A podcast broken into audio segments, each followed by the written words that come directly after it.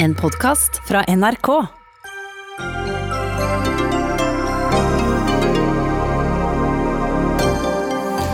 Trusselen fra høyreekstreme er på fremmarsj i Norge. PST sidestiller faren fra ytre høyre med ekstreme islamister.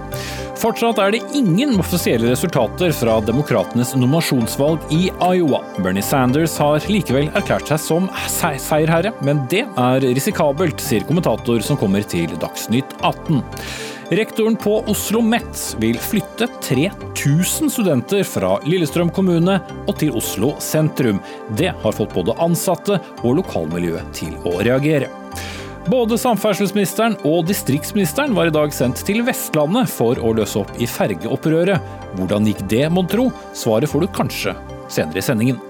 Og New York Times pekte på Jevnaker over listen på anbefalte reisemål for 2020.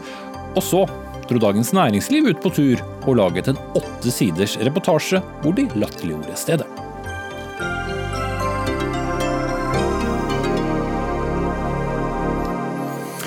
Da sier vi riktig god kveld og velkommen til tirsdagens Dagsnytt 18 med Espen Aas. En sending der vi også skal ha en aldri liten debatt om eliten versus folket i Bergen. Og vi presenterer også en rykende fersk meningsmåling der storpartiene blør kraftig.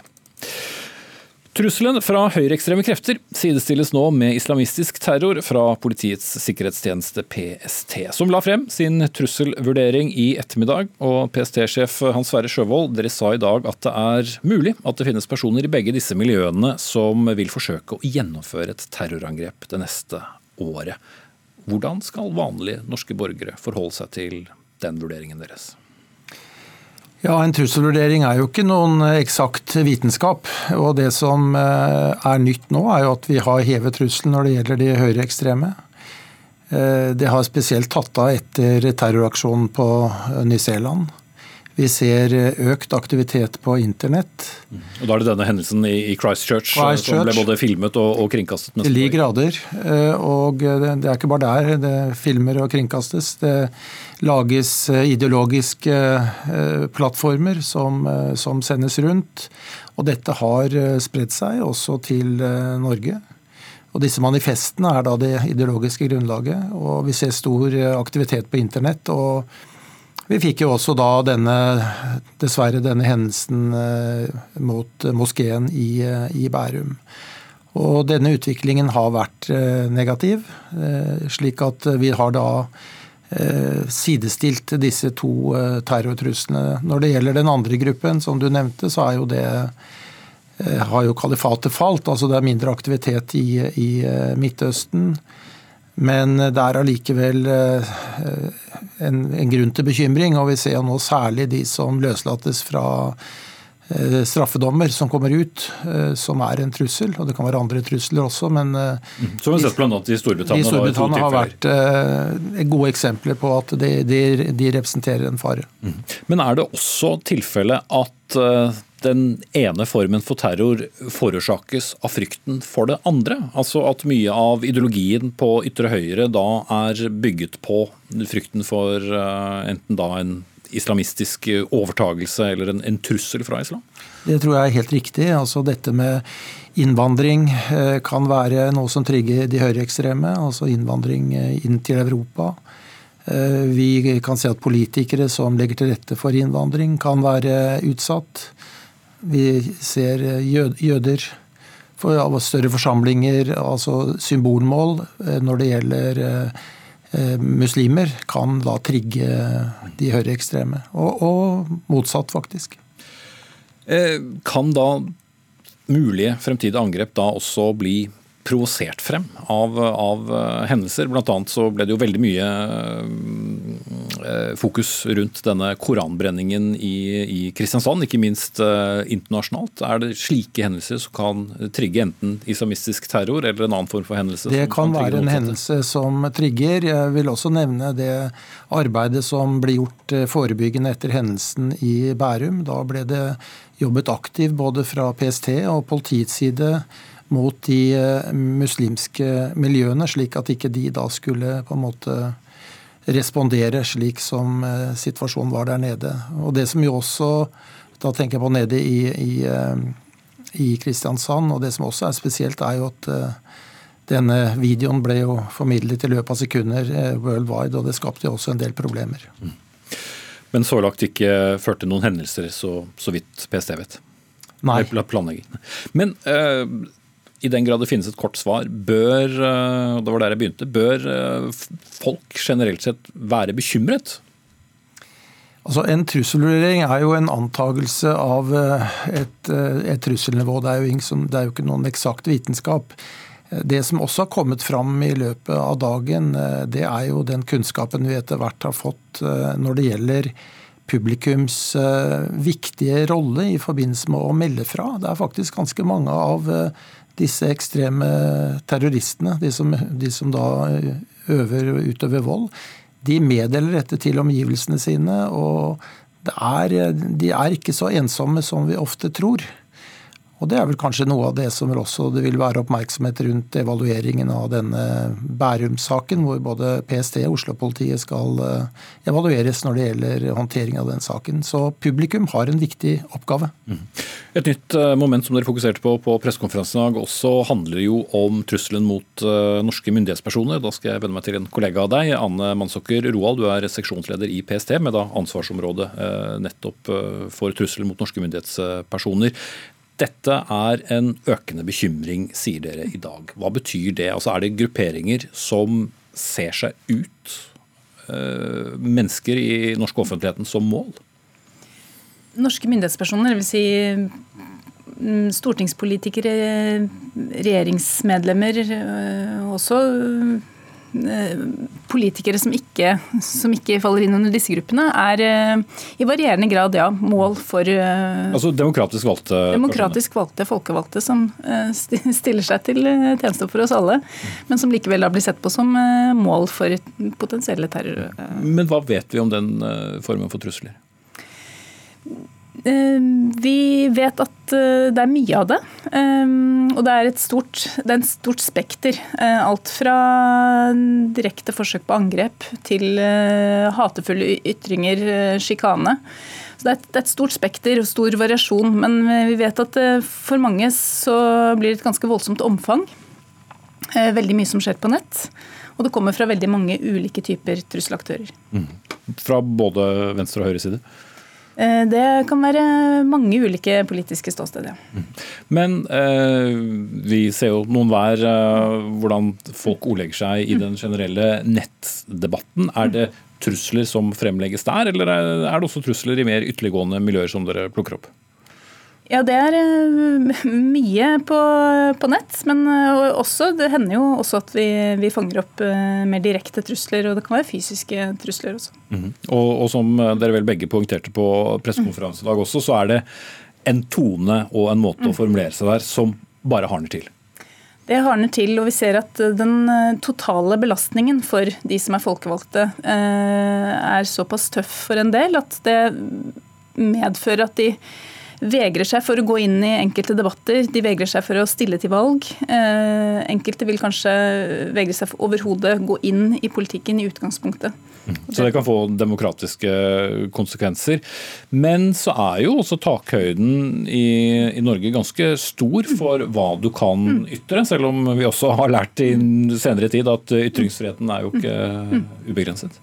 Og hva, hva kan da PST som en myndighet egentlig gjøre med et debattklima på nett. Det høres jo ikke engang ut som det skulle være en sak for dere. Det, vi skal ikke gjøre noe med debattklima direkte, men det er klart at det vi, eh, vi undersøker, vi vurderer til enhver følger med på debatten, rett og slett? Vi følger med på debatten og følger med på uh, trusler, vurderer uh, truende ytringer og, og, og direkte trusler mot myndighetspersoner, vurderer dem.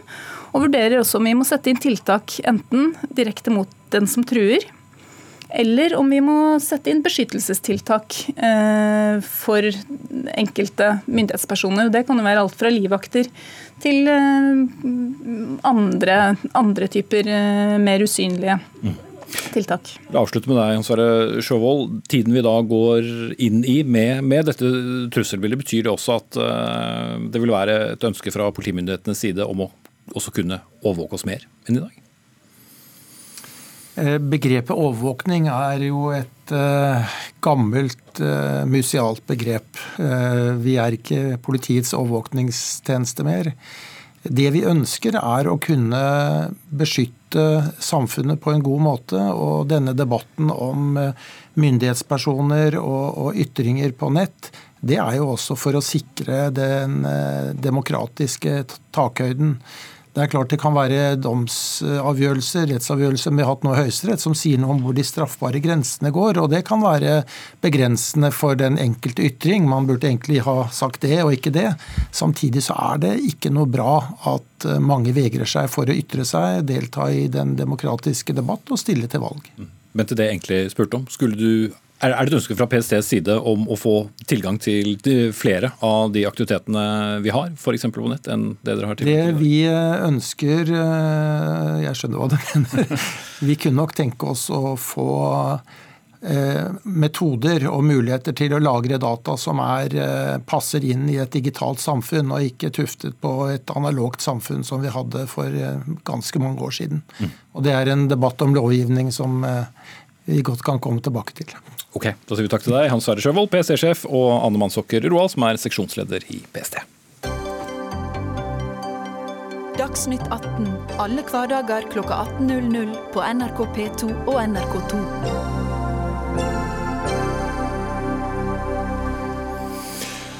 For om lag et døgn siden så sa denne programlederen at eh, resultatene fra valget i Iowa kan vi nok vente kanskje i femtiden eh, tidlig tirsdag morgen. Men eh, det er ingen resultater ennå. Det jobbes på spreng for å faktisk klare å legge frem resultatet fra demokratenes nominasjonsvalg i Iowa. En angivelig kodefeil har foreløpig iallfall forsinket resultatet med et halvt døgn. Likevel har ikke det forhindret f.eks. For Bernie Sanders å erklære seg som en seierherre, basert på uoffisielle tall. Og USA-korrespondent Anders Magnus, du følger stadig situasjonen i, i Iowa fra hovedstaden Des Moines. Resultatene lar altså vente på seg. Vet vi noe om når de kan komme? Nå sier Det demokratiske partiet i Iowa at de skal ha en konferanse med lederne for kandidatene eh, som stilte opp her i denne delstaten, og den skal skje om en time. De sier også at de har klare og, eh, og eh, klare resultater som de har dobbeltsjekket. Det som folk da lurer på, selvfølgelig, eh, og særlig vi i pressen, er hvorfor offentliggjør de ikke disse resultatene hvis de allerede har dem?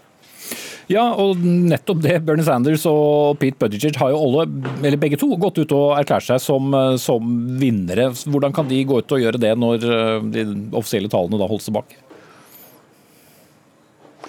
Det gjør de på bakgrunn av eh, tall som de selv har samlet inn, men de har jo ikke samlet inn alle de nesten 1700 valgdistriktene. De har samlet inn kanskje halvparten av dem og funnet ut at eh, at uh, den ene har funnet ut at uh, han leder, uh, og den andre har også funnet at han leder. Så her kommer det nok til å bli mye krangling når resultatene til slutt foreligger. Og spørsmålet er om folk og kandidatene stoler på resultatene når de kommer så seint. Og Hva eh, slags signal sender dette da ut til, til folk? Å ha eh, dette som flere kaller bare rett og slett en, en valgfadese? Det er i hvert fall ikke noe demokratene vinner på? Nei, det er, dette er en stor katastrofe for demokratene. De er de største taperne her. Og det er jo allerede mange som snakker om, eh, og spesielt på høyresiden, hvordan kan man stole på et parti som ikke engang klarer å telle opp et valg. Hvordan skal de kunne eh, styre et land? Hvordan skal de kunne ordne våre helseforsikringer? Vil dere virkelig overlate makten til noen sånne amatører? Og Trump er selvfølgelig en av de store vinnerne. Andre taper her er jo eh, Foruten eh, Det demokratiske partiet og de demokratiske kandidatene er jo Iowa, selvfølgelig. Spørsmålet er om de får lov til å ha en sånn type valg fremover, sånn som de har hatt helt fra 1800-tallet. Det er jo en veldig gammeldags måte å gjøre det på. Eh, andre taper her er jo f.eks.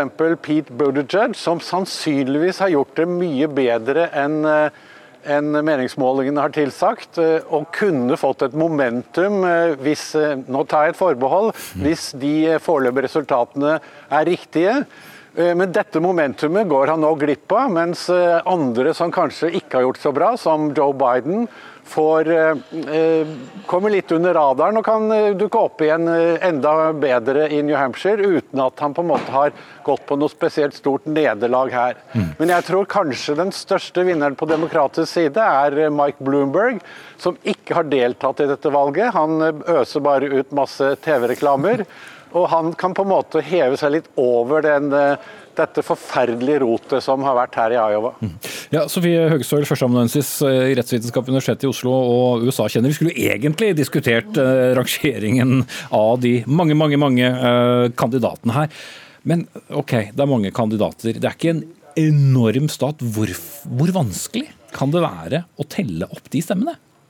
Tydeligvis ganske vanskelig. Uh, og Det som nok har skjedd her i dag, er at en av de tingene som skjedde i 2016, det var at deriblant Bernie Sanders var veldig tydelig på at han gjerne ville ha flere av tallrundene rundt voteringene ut, sånn at det skulle bli offentlig og transparent. Og Det betyr at disse stakkars valgmedarbeiderne i kveld skulle plotte inn flere resultater i appen sin, og det har tydeligvis ikke fungert. Det, og Det handler nok litt om at dette er en litt mer komplisert valgsystem enn det det bare er å krysse av på en lapp og ligge det i en urne.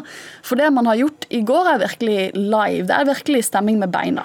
Man stiller seg opp i disse gymnasene som Anders Magnus var på i går. Eh, og så har man en første runde hvor man stiller seg bak den favorittkandidaten sin. Og La oss si at jeg stilte meg bak Bernie Sanders, du stiller deg bak Joe Biden og du stiller deg bak Amy Klobuchar. Så ville det vært fint. Men etter første uh, altså opptelling av de tallene så vil det fort vært slik at Amy Klobuchar har ikke hatt så høy meningsmålingsstandard i Iowa. Og Da, vil, da er det en sperregrense på 15% som mm. slår inn. Så de som har under 15% etter første runde, de får beskjed om at du støtter en kandidat som er under 15% da kan vi ikke telle deg opp som en del av det hovedresultatet. Har du lyst til å da stille deg bak noen andre? Mm. Og da hadde Eirik og jeg begynt å be deg å komme og stille deg bak våre kandidater. Og Da må du ta et valg. Og Derfor er det ganske vanskelig, for da skjer det mye på gulvet. Og denne Eirik som du refererte til, det er eh, Eirik Bergesen, politisk kommentator, også kjent fra TV 2-programserien Trumps uh, verden. Hvor, hva slags risk eh, er det de løper, de som nå allerede løper ut og erklærer seg som eh, valgvinnere, og, og morsomt nok eh, flere av dem? Absolutt, og alle kommer jo på et eller annet tidspunkt til å erklære at de har vunnet, og de har egentlig mm. gjort det nå også. Fordi det er jo sånn med Iowa at selv om du, du trenger ikke å vinne Iowa for å ha vunnet Iowa. Det holder å, å rapportere med en type momentum, en type sånn framgang, en boost videre. Så alle har jo på en måte på sett og vis tatt seieren, og så er jo da Sanders og Buttigieg kanskje vært de som har vært mest ublu. da. Eh, og så er det lekket et notat fra Det er nok blitt lekket et notat eh, fra Sanders. Eh, for de er jo ikke bare sannsynligvis litt glade for at det ligger an til å ha gått bra, men også ganske sure for at de føler at nok en gang har partiet satt fingeren på vekta mot Sanders, altså det etablerte partiapparatet, de samme folkene som da styrte med, Clinton, som nå styrer med Biden. Og så de, er i gang da med å snakke veldig negativt om eh, Buttigieg. Eh, og alt dette spiller inn i hendene på en mann, eh, Donald Trump. Så ikke bare er systemet rigget mot han, men det er et parti som ikke engang klarer å bli enige. Også, altså, jeg, vet ikke om jeg klarte helt å følge, følge det, deg engang. Altså, det, det, er kjempevanskelig. Tenk deg altså, altså, såkalt boomer-generasjonen som, som, skal bruke en app. vi har alle sett foreldrene våre prøve å ta bussen i disse dager. Og så er det 500 mennesker som skal telle på nytt igjen idet de springer rundt lokalet. Hvis Jonas Gahr Støre ikke klarer å bruke Ruter-appen engang, så klarer ikke de å bruke denne. La han, la han uh, slippe dette, selv om det var morsomt. Uh, men eh, dette Iowa-momentet, blir det da så viktig, eller må vi nå um, se videre til New Hampshire, som er uh, neste uke? Altså, Alle har jo flydd dit, så kandidatene er jo nå i New Hampshire. Det sier litt for meg om at man er allerede videre til neste, neste valgkamp. Men det som er viktig, og det som skjer i kveld, er at i kveld så skal jo Donald Trump holde sin State of the Union. Han skal adressere folket. Så det at med mindre de kommer med et valgresultat nå, så er det en veldig liten tidsmargin før hele politisk kommentatorfeltet kommer til å snu seg mot den eh, talen. Og Donald Trump fikk gode nyheter i dag. For i dag kom det ut en ny Gallup poll, altså en ny meningsmåling, som viser at han har den høyeste oppslutning blant folk han har hatt på tre år. Han har ennå støttet av 49% av befolkningen, og over 60 av amerikanere mener nå at han håndterer økonomien på en veldig god måte. Mm. Det er gode nyheter for Trump. Og lykke til til de demokratene som skal Espen? vise hvor bra dette gikk. Jeg kommer til deg straks, Anders. Espen? Ikke, ikke sant? Ja. Erik? Ja, nei, altså, eh, det, jeg tror likevel Man kan ikke glemme verken Sanders, som, som, hvis han da har vunnet, og hvis hans hovedmotstander Biden faktisk har kommet på fjerdeplass med ca. halvparten. Det vil være viktig. Og Det at Buttigieg kommer nærmest fra intet og gjør det så bra eh, som han ligger an til å gjøre, er en veldig viktig story. Eh, samtidig så skal jeg ikke glemme at Bill, altså for Dette gjorde Obama, og plutselig var han på banen. Men Bill Clinton hadde 2,81% av stemmene i Iowa første gangen. Tom han måtte Harkin sende hadde... sine til en annens eh, stand. Ja. Ikke sant? Og Tom Harkin hadde 76, ingen husker han. Så ikke, det, er ikke, det, er gøy å spekulere rundt dette, men det er ikke altavgjørende. Det er en veldig veldig lang valgkamp, og mye skal gjøres også i de neste ukene, de neste tre statene. Mm. Men først må vi få lukket prosessen i, i Iowa, Anders Magnus. Ja, men det som er eh, det spesielle her, er jo eh, Det ble spøkt litt med at eldre folk ikke kunne bruke denne appen. Men eh, det tror jeg faktisk de kunne, for det var eh, i appen selv det var en feil. Det er en kodefeil i denne appen. Mm. Og Det forteller at eh, de har jo ikke testet den ut i det hele tatt. Det som er skummelt med det, er jo ikke bare at de ikke har klart å ordne opp i Iowa, men de skal bruke samme appen om to uker i Nevada. Og kommer det samme til å skje der, blir det like mye galskap der, så er det klart at dette kommer til å gå kraftig utover Det demokratiske partiet. Og den som er glad i fiksjon, eh, husker jo den siste sesongen av eh, House of Cards, eh, hvor for all del ikke var trøbbel med app, men det handlet mye om hvordan man styrte appen. Det er en lang ferd frem til slutten. Jeg kan glede dere der hjemme med at det er 273 dager til selve presidentvalget. Og hvis ikke du orker å regne deg frem på fingrene, ja, så er det altså 3. november. Takk til Erik Bergesen, politisk kommentator, og Sofie Høgsøl, førsteamanuensis i rettsvitenskap ved Universitetet i Oslo, og den aldri hvilende Anders Magnus Magnus som følger med oss videre fra Iowa.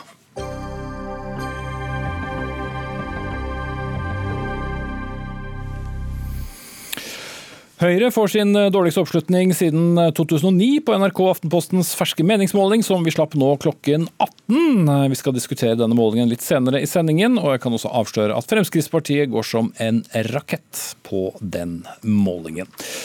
Nå skal vi imidlertid forflytte oss eh, til eh, Lillestrøm, som vi pleide å si lå i Akershus. Nå ligger i storfylket Viken. Eh, for det handler om Universitetet Oslo MET, som nå vurderer å legge ned sin avdeling på Kjeller i Lillestrøm kommune og flytte den til Oslo sentrum, sammen med resten av universitetet sitt. Og Det har skapt vi si, både leven og rabalder blant lokalpolitikere i Lillestrøm, og også i dette storfylket. Og en av eh, kritikerne det er deg, Jørgen eh, ordfører fra Arbeiderpartiet i, Lillestrøm. Etter snart 20 år på Kjeller vil Oslo OsloMet, eh, som nå heter, forlate området. Men kan ikke de få bestemme det selv? Ja, De bestemmer jo selv. Spørsmålet er om de har tatt med alle de lure tankene de før de bestemmer seg.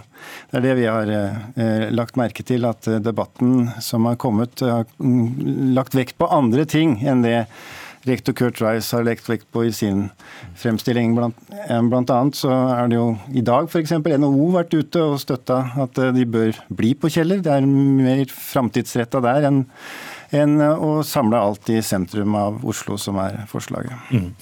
Lillestrøm, som eh, i hvert fall mange jeg kjenner som bor der, pleier å si er ti minutter med toget fra Karl Johan. Hvorfor er det viktig for Lillestrøm å ha da en avdeling av eh, Storbyuniversitetet på Kjeller, som igjen er utenfor Lillestrøm sentrum? Mm.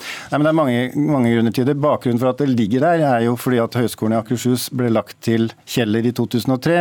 Fremsynte politikere sa at skal vi bygge samfunnet skikkelig, så må vi sørge for ordentlig utdanning til folka. Og Det er jo bakgrunnen for at det er der. Det er jo selvsagt en like aktuell sak nå. Lillestrøm, Romeriksregionen, Lillestrøm kommune er et av de, eller kanskje, ja, den raskest voksende befolkninga vokser raskest i landet der. Så det er klart det er like viktig nå. Men det er noen muligheter der borte som eh, Oslo OsloMet ikke får andre steder. Det er altså sånn at du har noen av Norges og verdensledende institutter vegg i vegg der. Institutt for energiteknikk, Forsvarets forskningsinstitutt, NORSAR, NILU, som ligger vegg i vegg med et universitet. Og den muligheten man har der til å skape framtid både for studenter og fagmiljøer og rekruttering til instituttene og i det hele tatt den synergien som det heter på fint, den får du ikke mange andre steder. Da Kurt Rice, rektor ved Oslo OsloMet, som eh, har satt i gang alt dette rabalderet. Hvorfor er det mer penger i å flytte eh, alle disse til eh, det stedet i landet hvor prisene er høyest? Har du, har du tomme lokaler som, som venter, som kan ta imot alle studentene i Oslo sentrum? Så Oslo OsloMet leier alle våre bygninger. Vi eier ingenting. Og de leiekontraktene kommer med jevne mellomrom til å enten kreve fornyelse, eller at vi går ut av dem. Og Det som vi diskuterer her, er hvorvidt vi skal beholde en bygning eh, som ligger da på Kjeller, eh, versus å prøve å se om vi får til større faglige synergier og andre viktige fordeler med å samlokalisere oss.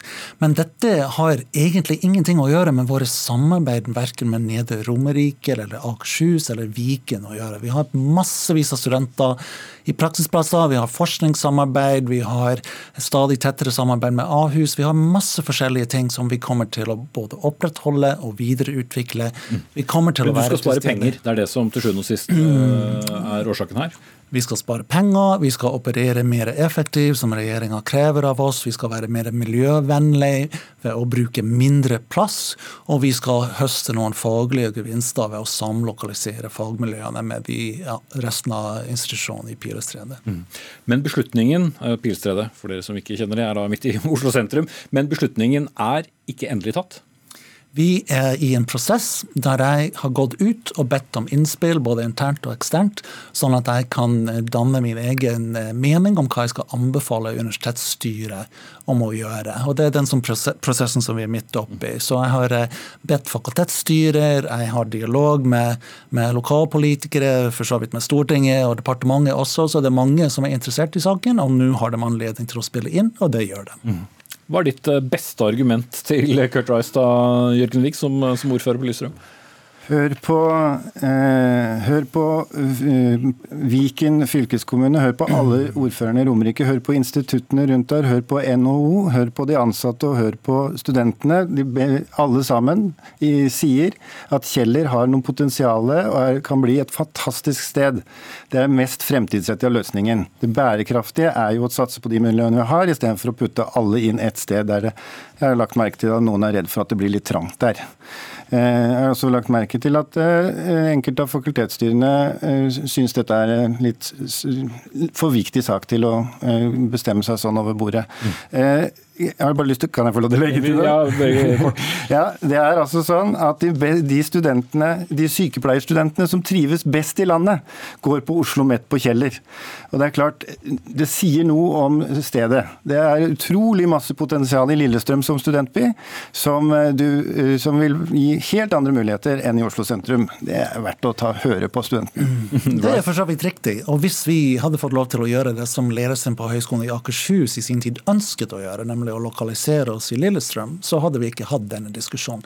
Men Kjeller er ikke Lillestrøm, og det flotte studentmiljøet som man kunne få til i Lillestrøm, får man ikke til på Kjeller. Jeg går og leser i avisene fra 20 år siden, da vi ble lokalisert der, og ordføreren den gangen sa nøyaktig det samme som du sier nå. Vi skal få til masse, det skal bli bygget ut, det skal bli spennende. Men det har ikke skjedd på 20 år, og jeg vet ikke helt hva det er som er annerledes nå, som får deg til å tro at det kommer til å skje. Men det er ikke det som er viktig. Det som er viktig, er at vi kommer til å være til stede på mange forskjellige måter.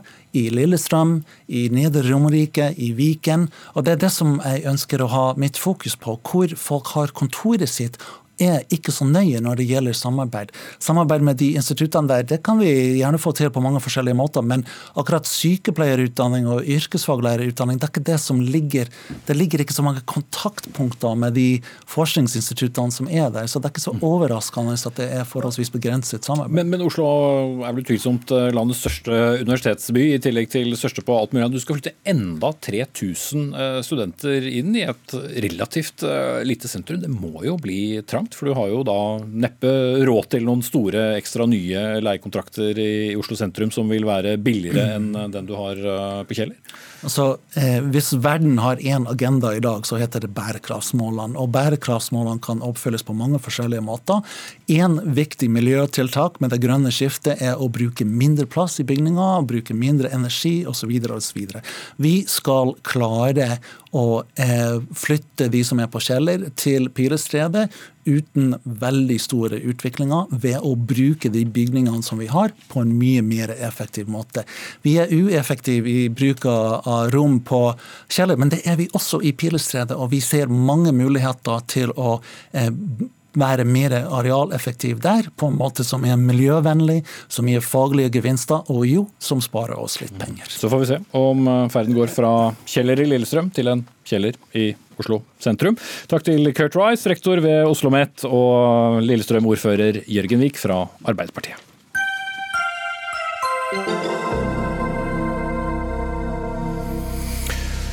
Og det skal handle mer om eh, distriktspolitikk. For eh, hvor mange statsråder må egentlig brukes for å roe ned et fergeopprør? Vel, nå om dagen må det iallfall sendes ut eh, to. For i dag sendte regjeringen ut både nye samferdselsministeren Knut Arild Hareide fra Kristelig Folkeparti og distriktsminister Linda Hofstad Helleland fra Høyre for å møte fergeaktivister.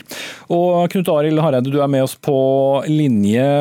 Hvorfor måtte dere ut såpass mannsterke for eh, å møte de som er imot de høye fergetaksene? Det er jo ikke så lenge siden din forgjenger f.eks. For var på, på tur for å gjøre det samme. Det var fordi at vi er opptatt av eh, denne saken. og eh, det er en gang som det er fylkene som bestemmer prisene på, på fylkesferjene. Og det er klart at Med de tallene vi fikk presentert i dag, så forstår jeg både den bekymringen og den uroen som er i Distrikts-Norge knytta til økte priser. Her møtte vi altså da en eh, familie som eh, i fjor hadde da fergeutgifter på nesten 40 000. Det i seg sjøl er veldig mye for en familie og som nå får altså da ferjeutgifter på mellom 60 og 65 000.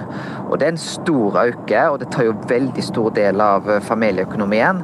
Og dette gjelder jo øysamfunn. Øysamfunn som bidrar med en veldig verdiskaping eh, til Norge. Men òg vi ønsker jo en bosetning over hele landet, mm. og at eh, vi skal nettopp kunne velge hvor vi bor. Så det å forstå dette eh, og snakke med folket, det var i seg selv veldig viktig. Både for Linda Hofstad Helleland og for meg. Ja, Men eh, da vi diskuterte denne saken sist gang i Dagsnytt 18, så var jo svaret fra daværende samferdselsminister Jon Georg Dale fra Fremskrittspartiet at ferge, fergetrafikken og kollektivtrafikken det er og blir fylkenes ansvar, og det har vel ikke endret seg?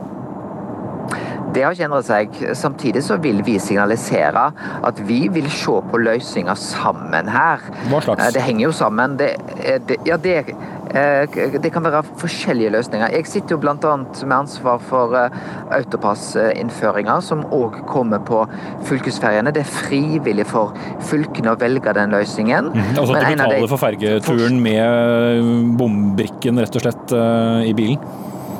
Bare ja, og det, det vil være enklere, bedre innføring. Du slipper uh, å betale i det det går inn. Det går mer automatisk. Det er, en, det, er en, det er, en, god ordning. Men en av de forslagene som uh, Møre og Romsdal fylke kom med, var jo om de kunne få en større fleksibilitet knytta til den ordningen. F.eks. på rabattstruktur, for å få det mer rettferdig. Mm. Uh, da vil jeg så er det ikke tvil om at til en av de som eh, har vært opptatt dette møtet i dag. Knut Arild Herde, nemlig deg, Kristin Sørheim, som er leder for samferdselsutvalget i Møre og Romsdal fylkeskommune fra Senterpartiet. Og vi har jo hørt da om eh, pendlere som har fått økt eh, sine utgifter med 30 000-40 000 kroner i året. Det de lurer på i dag er blir det noe billigere? Kan du svare dem på det? Kan ikke svare her og nå, men jeg er forferdelig godt fornøyd med at eh, Hareide og Helleland tok turen til Møre og Romsdal, eh, og nå forstår til fulle hvor eh, alvorlig det her er for næringslivet og for pendlerne i kystfylka.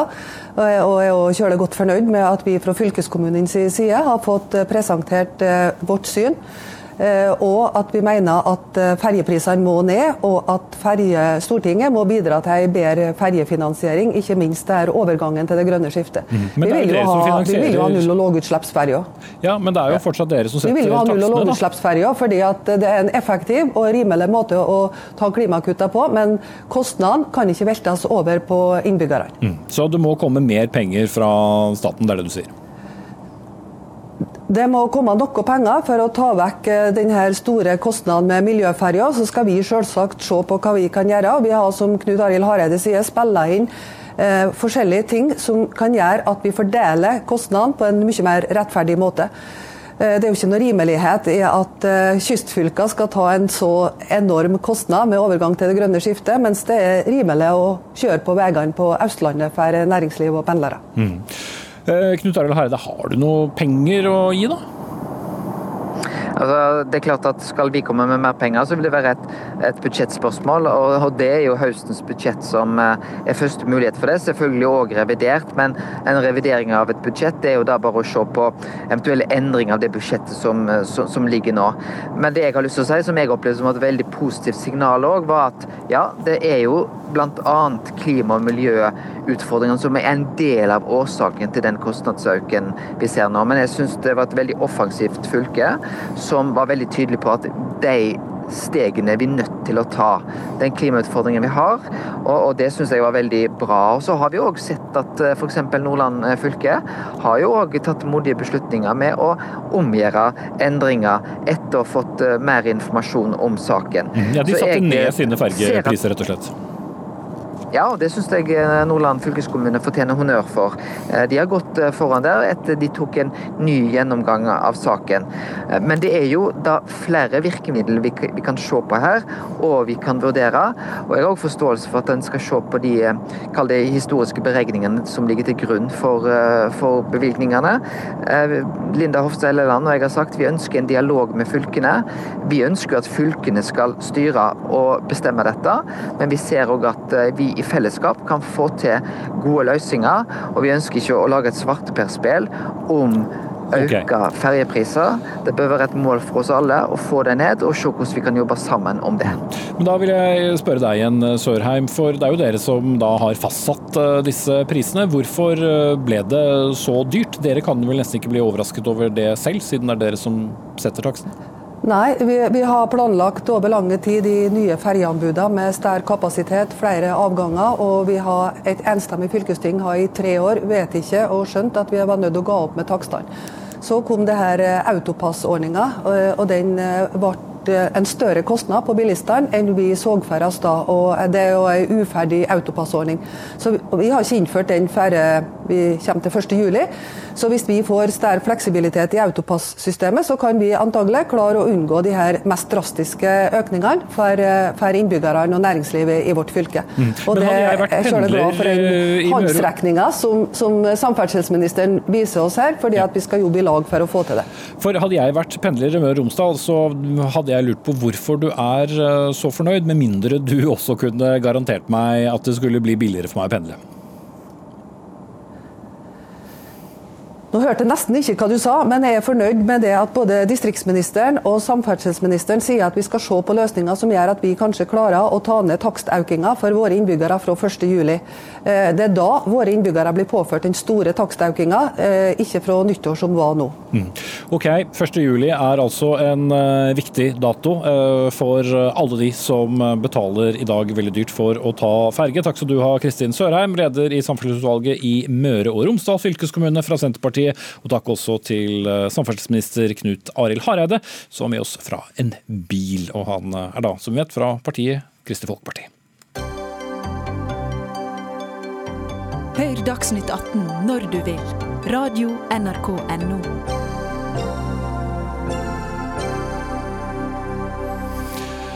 Nå klokken 18 så kunne vi her i NRK i samarbeid med Aftenposten presentere vår første politiske meningsmåling etter rokaden i regjeringen. Og For dere som følger sendingen på TV og på nett, så kan dere se den på skjermen. Øh, mens for dere som hører det på radio, så skal jeg lese holdt jeg på å si, bare markeringene, eller i hvert fall tallene, så følg med.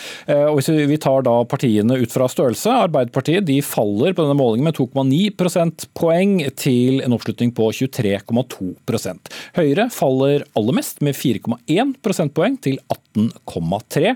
Senterpartiet øker med 1,6 til 17, unnskyld, 1,6 prosentpoeng til 17,3, mens Fremskrittspartiet skyter i været med 5,7 prosentpoeng opp til 16% men er altså fortsatt bak Senterpartiet i oppslutning.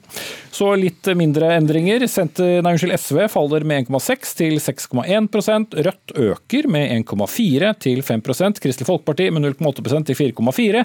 MDG faller med 1,6 prosentpoeng, er nå nede på 4,3% og er da bak KrF. Mens Venstre, som er det minste partiet på denne målingen, de øker med 1 prosentpoeng, men ender kun på 3,3 oppslutning.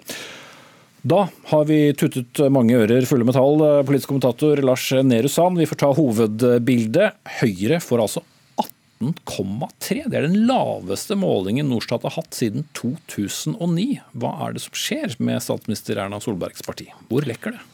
Det lekker i mange retninger, og det viser også hvor eh, stort problem det er for Høyre å skulle tette litt ulike hull uten at det ene ødelegger for det andre. De lekker jo da til Senterpartiet, sannsynligvis velgergrupper som har fått nok av reformer og sentralisering. De lekker til Fremskrittspartiet, sannsynligvis velgere som vil ha mer høyrepolitikk og, og fjerne seg fra sentrum. De lekker til Arbeiderpartiet, kanskje velgergrupper som er opptatt av ansvarlig styring over tid. Og det er mange Høyre-velgere fra 2017 eh, som setter seg på gjerdet. Totalt mister da Høyre 200 000 velgere, mer enn det, eh, fra forrige valg til denne målingen her. Og tendensen, Høyre under 20% og dårligst på ti år, eh, har det også kommet to andre målinger siste døgn som viser det samme. Mm. Men du sier det lekker også til Arbeiderpartiet, et Arbeiderparti som nå har fortsatt å falle, og er nå like lavt på målingen som de var for to år siden, altså midt under varslersakene mot Trond Giske. Hva er det som skjer med Arbeiderpartiets eh, velgere? Ja, Det er også interessant, og det er en litt annen situasjon enn den Høyre står i. fordi Mens da Arbeiderpartiet vinner i den gamle aksen mellom eh, Arbeiderpartiet og Høyre om disse såkalte lilla velgerne, så er gevinsten de henter fra det, eh, mindre enn lekkasjen, eller tapet om du vil, til de sannsynlige samarbeidspartnerne til Arbeiderpartiet, nemlig Senterpartiet, SV, Rødt og MDG. Og når da avgangen dit er større eh, enn det man henter inn fra Høyre på tvers av blokken, så betyr det at det er til sine egne, eller på hjemmebane, på sin side av den politiske eh, banehalvdelen, at Arbeiderpartiets problem ligger med tanke på å maksimere eget parti. Mm. Men vi kan jo ikke komme utenom eh, den aller største endringen på denne målingen. og Det er jo altså eh, Fremskrittspartiet som eh, går nærmest som en rakett på denne målingen og skyter i været med 5,7 prosentpoeng og er plutselig oppe på 16. Kan dette holde seg? Ja, Det har vel andre tilsvarende episoder vist at det ikke nødvendigvis gjør over tid. og Det er jo noe som heter å komme for tidlig i form osv. Men, men at Fremskrittspartiet på kort sikt har en effekt av å gå ut i regjering og, og love velgerne sine at de skal bli mer gjenkjennelige og snakke mer om sine politiske løsninger, det er ikke så overraskende, syns jeg. Men det vi jo husker fra en situasjon som har vært litt sammenlignbar, da, både da Kristelig Folkeparti var alene i, i uh, opposisjon og ikke ikke hadde avtale med, med, regjeringen, og da Kristelig Folkeparti og Venstre hadde en samarbeidsavtale med Erna Solberg, så har jo disse årene under Solberg vist oss at det går an å få en slags regjeringsslitasje uten å sitte i regjering. Eh, og det kan meget vel også Fremskrittspartiet oppleve eh, inn mot 2021, hvis ikke de spiller kortene sine smart. Og det får tiden vise om de gjør. Mm. Du har skrevet en eh, dybdeanalyse om denne meningsmålingen. Den kan folk lese om på nrk.no. og Det blir også mer om denne ferske målingen på Dagsrevyen på NRK1, samme kanal hvis du ser det på TV, etter oss.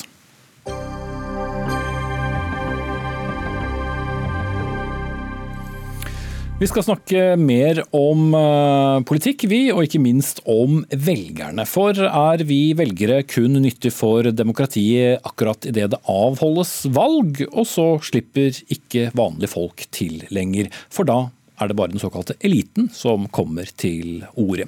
Vel, dette, disse spørsmålene opptar den eh, fortsatt relativt ferske bystyrerepresentanten for Folkeaksjonen Nei til bompenger, FNB i Bergen, Trym Aafløy. For i et innlegg i Bergens Tidende, ja, det skriver du nemlig at de som får uttale seg er akademikere, kunstnere og folk med fine titler, som kan få uttale seg om alt de ikke liker, og som kan si at velgerne har feil mening. Hva ville du med dette innlegget, Aafløy? Du er med oss fra Bergen. Nei, dette er jo en debatt som eh, spesielt eh, pågår i, i avisene. Kanskje med større intensitet eh, rundt valgkampen enn enn andre tider på året. Men det er ikke svært lenge siden Det var innlegg i avisen der, der noen harselerte med politikere både i, i øst og vest. og nærmest uh, proklamert at velgerne er håpløse. Mm. Og det du ville si, var? Det jeg ville si, det er at vi har et demokrati i Norge eh, som, eh, som, er relativt godt utviklet. Og selv om det har sine mangler, så er eh, prinsippene rundt demokratiet det at eh, alle skal få gi sin stemme. Og eh, når et valg er avholdt, så må man på en måte forholde seg til de valgresultatene som kommer. Og det gjør man ikke? Nei, eh, altså når man ser på en del sånne innlegg, så, så får man et sånn inntrykk av at eh, de som er uenige med oss, de er, er håpløse. Og, eh, Men er det dine velgere som ikke blir tatt på alvor? er det det du nei, sier? Nei, vet du hva. Jeg, jeg, jeg har ikke spesielt skilt til våre eh, velgere. Men jeg ser på det som et, eh, et, et generelt problem at uh, når valgresultatene ikke blir sånn som uh, man ønsker, så, så er det valgordningen det er noe i veien med. Ok, August Simonsen, du er bystyrerepresentant for Venstre i, i, Bergen. Og du har da skrevet et svar på Aafløys innlegg. Forklar kort til Dagsnytt 18s publikum hva du reagerte på i innlegget hans. Jo, jeg skjønner veldig lite av denne kritikken. For jeg mener jo først og fremst at Aafløys eget parti motbeviser jo poenget hans. Det viser at helt vanlige folk som er misfornøyd med den politikken som føres, de kan gå sammen, starte et parti, stille til valg og bli valgt. Det mener jeg at viser at demokratiet vårt fungerer. Og så er det jo også sånn at I dag i bystyret så mener jeg at det er helt vanlige folk som er representert. Vi har ikke en sånn elite som mangler kontakt med folket. Vi er helt vanlige folk som driver med politikk på fritiden. Ja, Ofløy, eh, ditt parti fikk altså 16,7% av stemmene i Bergen. Eh, partiet til Simonsen fikk 3,8. Du har 11 mandater i bystyret, han har 3. Eh, hva svarer du til hans svar, for å si sånn? Jeg kan ikke fatte og begripe hva Simonsen har tenkt på da han har skrevet dette her i det hele tatt. For han får jo det høres ut som om vi angriper de eh, representantene som sitter i bystyret. Og det er jo bare vås.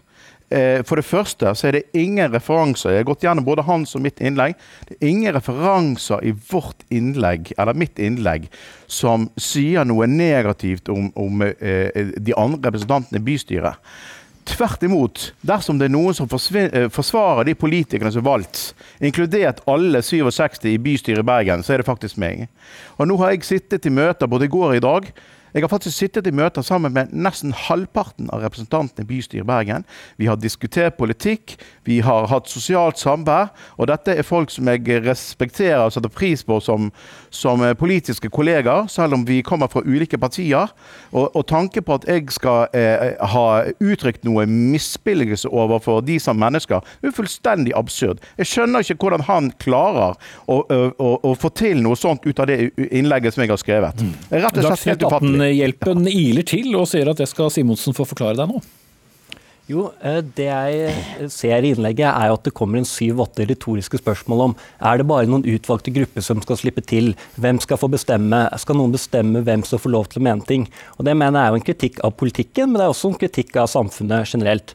Og Jeg ser ikke helt denne kritikken, fordi at Aafløy har jo hatt klippekort til avisforsidene i hele valgkampen. Han har jo hatt ekstremt god mulighet til å få fremme sin politikk mm. i media. Nå snakker han om perioden etter valget, da. Ja, eh, perioden etter valget og perioden før valget så mener jeg at alle politikerne i Bergen har fått en fair mulighet til å slippe til. Men hvordan, eh, altså for alle som ikke da følger eh, bergenspolitikken, hvordan vil du da dele opp fløyene der, Åfløy? Er det en, som noen sa morsomt, en venstre fløy, en høyre fløy og en Åfløy? Eller hvor plasserer du deg i det politiske landskapet som partiet ditt nå er nytt? Ja, Vi ligger jo, eh, prøver jo å si at vi ligger eh, i en, i en sentrumsprofil.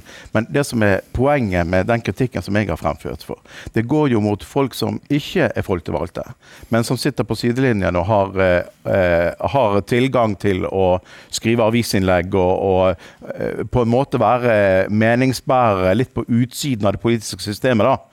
Så det blir jo en helt en, en, en skivebom når han begynner å trekke inn bystyrepolitikere bystyrepolitikere dette. For De retoriske spørsmålene han snakker om, det har jo ingenting med bystyrepolitikerne å gjøre.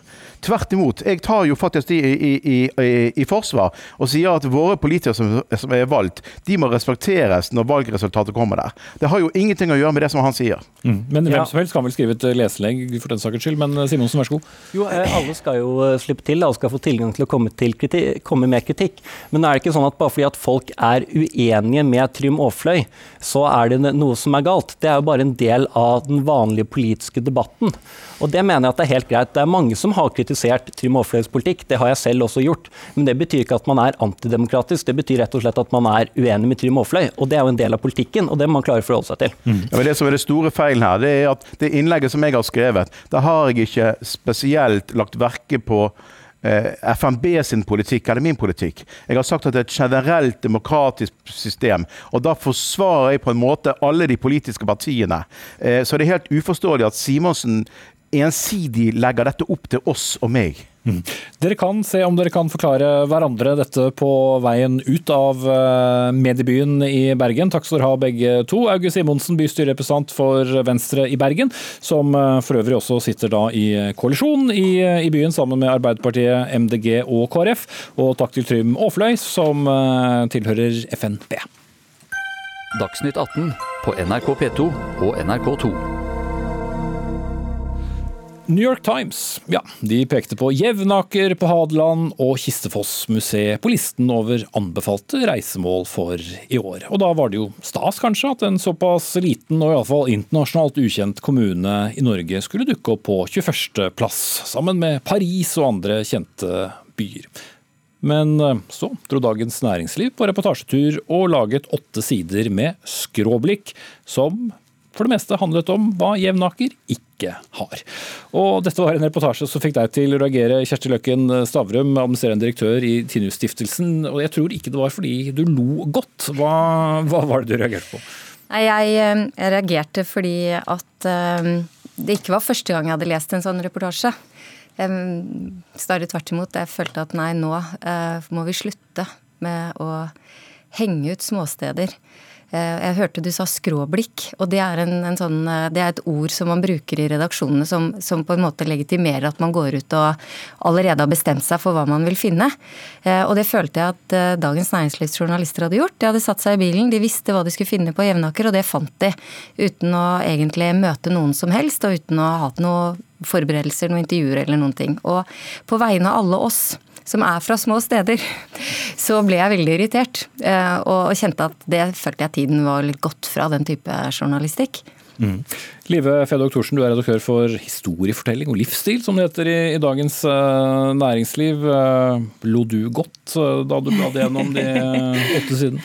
Altså, vi, eh, vi eh, la jo merke til at selv Kistefoss-direktøren sa til Aftenposten at det var smått absurd at Jevnaker var eh, på listen over reise, anbefalte reisemål. Ja, så, så hva ville dere? Så da ville vi Da var vår eminente reportasjejournalist i det at la oss da Han så for seg liksom et par fra Manhattan som, som reiser til Jevnaker, og ville på en måte utforske det og, og sette seg i, i, deres spor. Og da satte han seg, som Kjersti Løken Stavrum sier, i bilen sammen med en fotograf og, og dro for å observere. Mm. Skjønner du at kanskje ikke alle syns det var morsomt? Det har vi fått med oss, at det er delte meninger om, om, den reportasjen. Og det var jo ikke meningen at det skulle være en tradisjonell reisereportasje fra Jevnaker. Vi har allerede vært der. Og jeg har hatt en kjempefin reportasje i D2 fra det som da er et magasin som kommer på mye Dagens Næringsliv på ja, fredager. Ja. ja. Og der har vi intervjuet både arkitekt Bjørke Engels og Sveås. Så det hadde vi gjort. Så her var perspektivet en annen. Det, det var jo den klassiske subjektive reisereportasjen mm. som også, noe av og til kalles gonzo, hvor, hvor man lener seg på journalistens eh, observasjoner og penn. Og det, det er selve premisset. Mm. Er du bare humørløs, Stavrum? Nei, jeg er ikke det. Jeg, eh, og jeg ser at no, eh, altså, dette har jo tatt helt av. Vi må bare liksom få sagt det, sånn at folk skjønner hvorfor vi sitter og diskuterer det. Det, det er jo blitt en hashtag 'elsker bygda' som går landet rundt. Distrikt. Som du også har brukt? Ja. ja, eller jeg formidlet den videre da den kom. Selvfølgelig gjorde jeg det, når jeg hadde bidratt til at dette, denne mobiliseringen fra Bygde-Norge og distriktene kom som et resultat av den reportasjen. Da, og eh, Statsråden dro til Jevnaker på fredag og besøkte det og liksom, i en solidaritetsaksjon. Men, eh, men like fullt så, så, er jeg jo oppriktig engasjert i det fordi eh, Norge består av den type steder. Altså, vi er, mange av oss er fra Jevnaker. Eh, og, og, når eh, hovedstadsjournalistene drar og, og, for å ikke finne noen ting, og de finner ingenting, eh, og vi skal le av det, så, så, føler jeg at det er en type journalistikk som jeg, jeg, jeg får litt eh, vondt i magen av det. Jeg ser ikke poenget, jeg ser ikke noen forklaringskraft i den type journalistikk. Og når eh, eh, Sveås sier at det er smått absurd at, at Jevnaker Eieren av Kistfossmuseet? Ja, eieren av Kistfossmuseet sier at det er smått absurd, så er det jo fordi at hans museum og The Twist er på lista. Det er jo ikke Jevnaker. Og det er jo ingen amerikanere som drar og bare er i gatene på Jevnaker i januar. Mm. Og Der ligger heller ikke Kistefoss-museet, bare for å ha poengtert eh, det. Men altså, Thorsen, når man reiser til Jevnaker eller Askim, eller hvor man reiser midt på dagen i en ukedag. Det er jo begrenset uh, hvor livlig det er. Ja, men Hvis man leste den artikkelen, så skjer det faktisk ting på Jevnaker som var litt overraskende. Så det er ikke helt riktig at ikke ting skjedde der. Jeg er også fra Skien og eh, jeg gjenkjenner også den lille byen ikke sant, med torget og de to uh, kinarestaurantene og noen gatekjøkken. Og Norge består av fullt av små steder. og jeg tenker at det Men i dyp kontrast til Oslo, det er vel det mange har reagert på? da, At det blir litt sånn å, nå kommer Oslo-journalisten og ho-ho, så ja. gøy det var eh, på Jevnaker. Ja, jeg synes Det er litt overdrevent at dette er typisk Oslo-journalistikk. Dette er en sjanger som vi bruker veldig mye i Dagens Næringsliv. Og Forrige gang vi brukte den, så reiste vi til brexit-tilhengerne i overklasse England. Eh, som også fikk noen reaksjoner, men vi skal ikke ta den. Men du er fra Skien, der bor det 55 000. Jevnaker bor det under sju. Er det en fair sammenligning? Det er i hvert fall eh, en gjenkjennbart at det er små steder. Det er det. Mm. Men, men altså, alternativ kunne jo vært en litt sånn klassisk reportasje som ingen da la merke til. og Mange har jo sett Kistefos Kistfossmuseet. Mange vet jo ikke så mye om Jevnaker, og du skal jo ta Nei. av og kjøre langt av sted, så Premisset er ikke at alternativ er en artikkel ingen ville lagt merke til. Premisset er at man kunne lagd noe bedre. Eh, man kunne forberedt seg og lagd en reportasje f.eks. som jeg syns kunne vært en interessant problemstilling, er når et sted blir løftet fram i New York Times, hvor forberedt er de på den eh, publikumstilstrømningen som kommer? Hva tenker kommunen? Hva har de gjort? De har allerede gjort en del ting. Eh, og eh, hvilke andre ting har de faktisk å by på? Hvilke planer har de? Det vet vi ingenting om etter at vi har lest den reportasjen. Men, men like fullt så, så, så, mener jeg at det er Det vi bør tenke etter, da, er jo at det er viktig at journalister drar ut og møter folk. Alternativt sitte hjemme og maile med kildene er jo ikke, liksom, det er ikke noe prisverdig. Så det er jo ikke det vi diskuterer. Det vi diskuterer er hvorvidt man faktisk gir stedet en sjanse. Eh, og min tilnærming til dette var at Jevnaker var forsvarsløs idet de eh, journalistene satte seg i bilen. For de visste hva de skulle, og det ble det. Mm. Burde dere brukt, ikke de ordene da, men det reportasjegrepet i ettertid, Thorsen? Jeg syns at uh, akkurat satire og gonzo-journalistikken til Dagens Næringsliv er veldig viktig. Vi Var det satire? År... Nei, men det er en del av de subjektive reportasjesjangerne som vi har i i featurejournalistikken, som er en viktig identitet for Dagens Næringsliv. Vi har jo på lørdager veldig ofte dagsordensettende dokumentarer, nyhetsreportasjer, og som da også veies opp av disse ja, skråblikkene eller eh, det humor. Og humor er vanskelig. Vi treffer ikke alle, og vi når ikke alle. Vi har fått masse gode reaksjoner på folk som syns Jevnaker var artig lesning. Senest i dag et okay. lesebrev på trykk.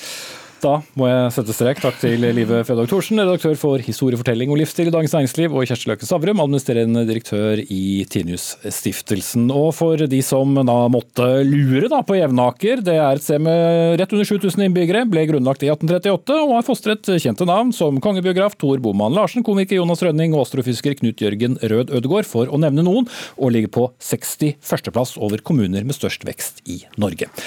Dag Dørum hadde ansvaret for denne sendingen. Eh, Hanne Lunås tok seg av det tekniske. Jeg heter Espen Aas. I morgen er det Sigrid Elise Solund som sitter i denne stol. På gjensyn.